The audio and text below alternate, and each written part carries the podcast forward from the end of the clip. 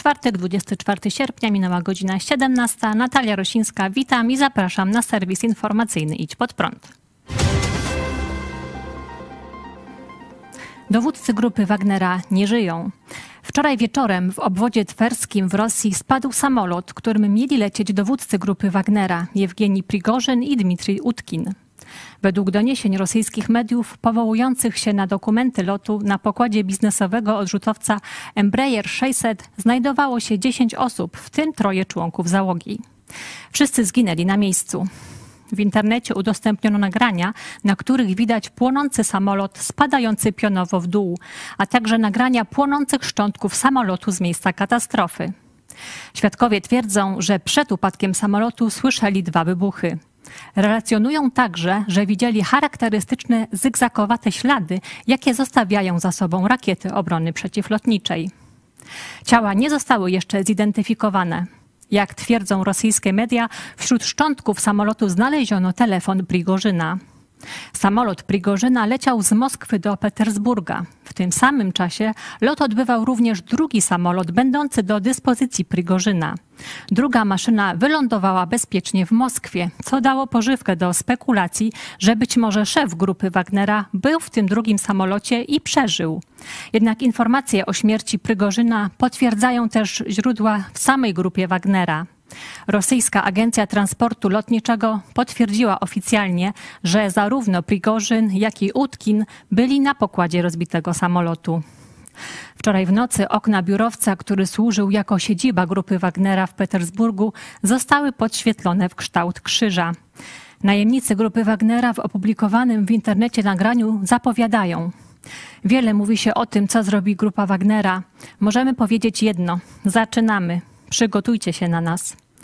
Wkrótce po upadku samolotu Prigorzyna Wagnerowcy zaczęli zwijać niektóre swoje obozy na Białorusi i formować konwoje jadące w stronę Rosji. Dokładnie dwa miesiące temu Jewgeni Prigorzyn i prowadzona przez niego grupa Wagnera rozpoczęli bunt przeciw rosyjskiemu dowództwu wojskowemu. Zajęli Rostów nad Donem i jechali w kierunku Moskwy. W drodze zestrzelili kilka wojskowych śmigłowców i samolotów. Jednak bunt został nagle przerwany, a Prigorzyn i wielu Wagnerowców zostało przeniesionych na Białoruś. Dmitrij Utkin był założycielem firmy wojskowej. Przyjął pseudonim Wagner, od którego grupa Wagnera wzięła swoją nazwę. Amerykański Instytut Studiów nad Wojną uważa, że samolot Prigorzyna został zestrzelony dwoma pociskami S-300 na rozkaz Władimira Putina. Natomiast brytyjskie źródła wojskowe cytowane przez BBC stwierdziły, że najprawdopodobniej za atakiem na samolot stoi wierna Putinowi rosyjska Federalna Służba Bezpieczeństwa FSB. Sąd Najwyższy oddalił dziś wszystkie kasacje w głośnej sprawie śmierci Igora Stachowiaka. Oznacza to, że prawomocny wyrok sądu drugiej instancji został utrzymany i sprawa, w której policjanci zostali skazani na kary więzienia, nie będzie ponownie rozpatrywana. Igor Stachowiak został zatrzymany przez policję w maju 2016 roku w centrum Wrocławia. Jak się później okazało, funkcjonariusze pomylili go z inną poszukiwaną osobą. 25-latek trafił na komisariat, gdzie zmarł. Śledztwo wykazało, że policjanci z komisariatu Wrocław Stare Miasto dopuścili się, dopuścili się znęcania nad zatrzymanym. Wyprowadzili go do łazienki, gdzie nie sięgał monitoring. Tam Stachowiak był kilkukrotnie rażony paralizatorem, co zarejestrowała kamera zamontowana w tym urządzeniu. Na ciele zmarłego stwierdzono też liczne obrażenia wskazujące na pobicie. Sąd pierwszej instancji w czerwcu 2019 roku skazał w tej sprawie czterech funkcjonariuszy za przekroczenie uprawnień i znęcanie się nad Igorem Stachowiakiem. Łukasz R. usłyszał wyrok dwóch lat i sześciu miesięcy więzienia. Pozostali Paweł G., Paweł P. i Adam W. po dwa lata więzienia. W orzeczeniu sądu pierwszej instancji uznano, że użycie paralizatora mogło się przyczynić do śmierci zatrzymanego. Sąd drugiej instancji w lutym 2020 roku utrzymał wymiar kary dla wszystkich czterech skazanych, ale w orzeczeniu za bezpośrednią przyczynę zgonu Igora Stachowiaka uznał tak zwany stan wyjątkowego pobudzenia wywołany zażyciem amfetaminy. Po tym wyroku adwokaci sprawców wnosili o uchylenie wyroku skazującego, twierdząc, że policjanci są niewinni. Natomiast Rzecznik Praw Obywatelskich, którym był wówczas Adam Bodnar, wniósł kasację, w której uzasadniał, że sąd apelacyjny źle ustalił przyczyny tragedii. Bodnar wskazywał, że sąd nie uwzględnił opinii innych ekspertów i zeznań świadków, które przeczyły, by u zatrzymanego mężczyzny wystąpił stan wyjątkowego pobudzenia. Sąd Najwyższy oddalił dziś zarówno kasację obrońców, jak i kasację złożoną przez Rzecznika Praw Obywatelskich, utrzymując w mocy wyrok sądu drugiej instancji. Donald Trump dziś wieczorem zgłosi się do więzienia. By nie trafić do aresztu, musi wpłacić 200 tysięcy dolarów kaucji. Chodzi o sprawę karną, w której były amerykański prezydent jest oskarżony o próby obalenia wyniku wyborów prezydenckich z 2020 roku w stanie Georgia. Oprócz Trumpa oskarżonych jest jeszcze 18 innych osób. Łącznie w sprawie postawiono 41 zarzutów. Były prezydent zapowiadał już kilka dni temu, że do więzienia na terenie stanu Georgia zgłosi się dziś wieczorem. Zabiegał o to, by jego wizyta w więzieniu została umówiona w godzinach najwyższej oglądalności w amerykańskich mediach. W ten sposób wykorzystuje tę sprawę w ramach kampanii, w której ubiega się o kandydaturę z ramienia Partii Republikańskiej w wyborach prezydenckich w 2024 roku.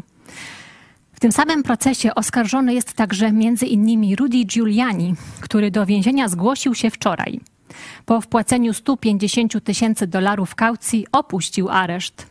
Dawny burmistrz Nowego Jorku i były prawnik Donalda Trumpa był silnie zaangażowany w walkę o unieważnienie wyborów z 2020 roku. Na Giulianim ciąży 13 zarzutów, między innymi o uczestnictwo w grupie przestępczej, nakłanianie urzędników stanowych do złamania przysięgi, składanie fałszywych oświadczeń i wykorzystywanie nielegalnych narzędzi w próbach zmiany wyników wyborów w niektórych stanach. Najcięższy z zarzutów jest zagrożony karą nawet 20 lat więzienia. Giuliani stwierdził, że status współoskarżonego wraz z byłym prezydentem Trumpem jest dla niego zaszczytem. Zarzucił też stanowej prokuraturze, że złamało jego konstytucyjne prawo do wnoszenia skarg przeciwko władzom i powiedział, że ludzie mają prawo uznawać wybory za sfałszowane. Sytuację w USA relacjonowała korespondentka telewizji Idź Pod Prąd w Nowym Jorku, Martyna Kulec. Jest takie podzielenie znowu pomiędzy republikanami a demokratami.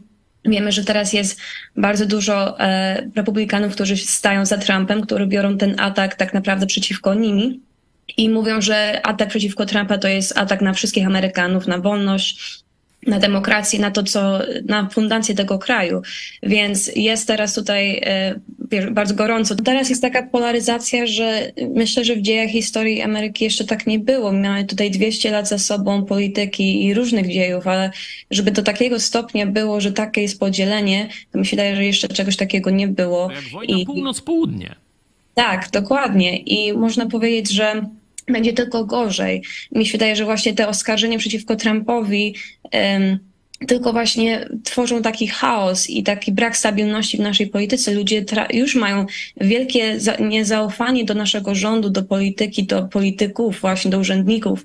I mi się wydaje, że to tylko popełnia wielki błąd, e, demokraci popełniają wielki błąd przez takie instygacje, inwigilacje, bo ludzie tym bardziej tracą wiarę w naszą instytucję, a to jest, powinien być fundament Ameryki, na tym była Ameryka zbudowana, a teraz coś takiego istnieje, że podzielenie są pomiędzy Amerykanami, tutaj są ciągle i werbalne, i fizyczne kłótnie przeciwko właśnie, e, jak chodzi o o sprawy polityczne, więc wyobrażam, że na takiej skali, jak teraz to się wydarzy, te wszystkie oskarżenia, te wszystkie sprawy sądowe, to tylko wyjdzie na to, że e, po prostu będzie takie e, podzielenie, że nie myślę, że nasz kraj z tego będzie mógł kiedyś odwrócić się, ani, ani no, no po prostu nie myślę, że będziemy w stanie od tego się odsunąć, tylko będziemy dalej kontynuować w taką przepaść.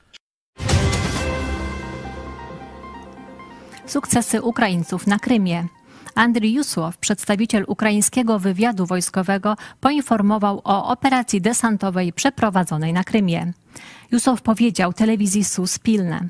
W czwartek w godzinach porannych przeprowadziliśmy udaną operację desantową na okupowanym przez Rosję Krymie z udziałem sił lotnictwa i marynarki wojennej. Wszystkie zaplanowane zadania zostały zrealizowane. Nie odnotowaliśmy strat osobowych. Są straty wśród personelu wroga. Zniszczono także jego zasoby wojskowe. Operacja była prowadzona w pobliżu miejscowości Ołeniwka i Majak w zachodniej części Krymu, gdzie znajduje się baza pułku radiotechnicznego Sił Powietrznych Rosji. Wczoraj w tej okolicy Ukraińcy zniszczyli rosyjski kompleks rakiet przeciwlotniczych S-400. W wyniku eksplozji sama instalacja, znajdujące się na niej rakiety oraz personel zostały całkowicie zniszczone, przekazał ukraiński wywiad wojskowy. Ukraina odnosi także sukcesy na froncie południowym. Wczoraj wojska ukraińskie poinformowały o odbiciu miejscowości Robotynę na Zaporożu. Miejscowość była pod rosyjską okupacją prawie od półtora roku. Siły ukraińskie przez dwa ostatnie miesiące przedzierały się przez silne linie obrony Rosjan i w końcu wkroczyły do wsi i ewakuowały pozostających tam jeszcze mieszkańców. Robotynę stało na drodze do głównej rosyjskiej linii obrony w tym rejonie. Jeśli uda się ją przełamać, Ukraińcy będą mogli posunąć się daleko na południe w kierunku Morza Azowskiego i przeciąć rosyjskie linie komunikacji. To wszystko w dzisiejszym wydaniu serwisu informacyjnego, a jeszcze dziś w telewizji Idź Pod Prąd o godzinie 18 dogrywka. Relacja z misji humanitarnej Idź Pod Prąd do Odessy. Zapraszamy. Do zobaczenia.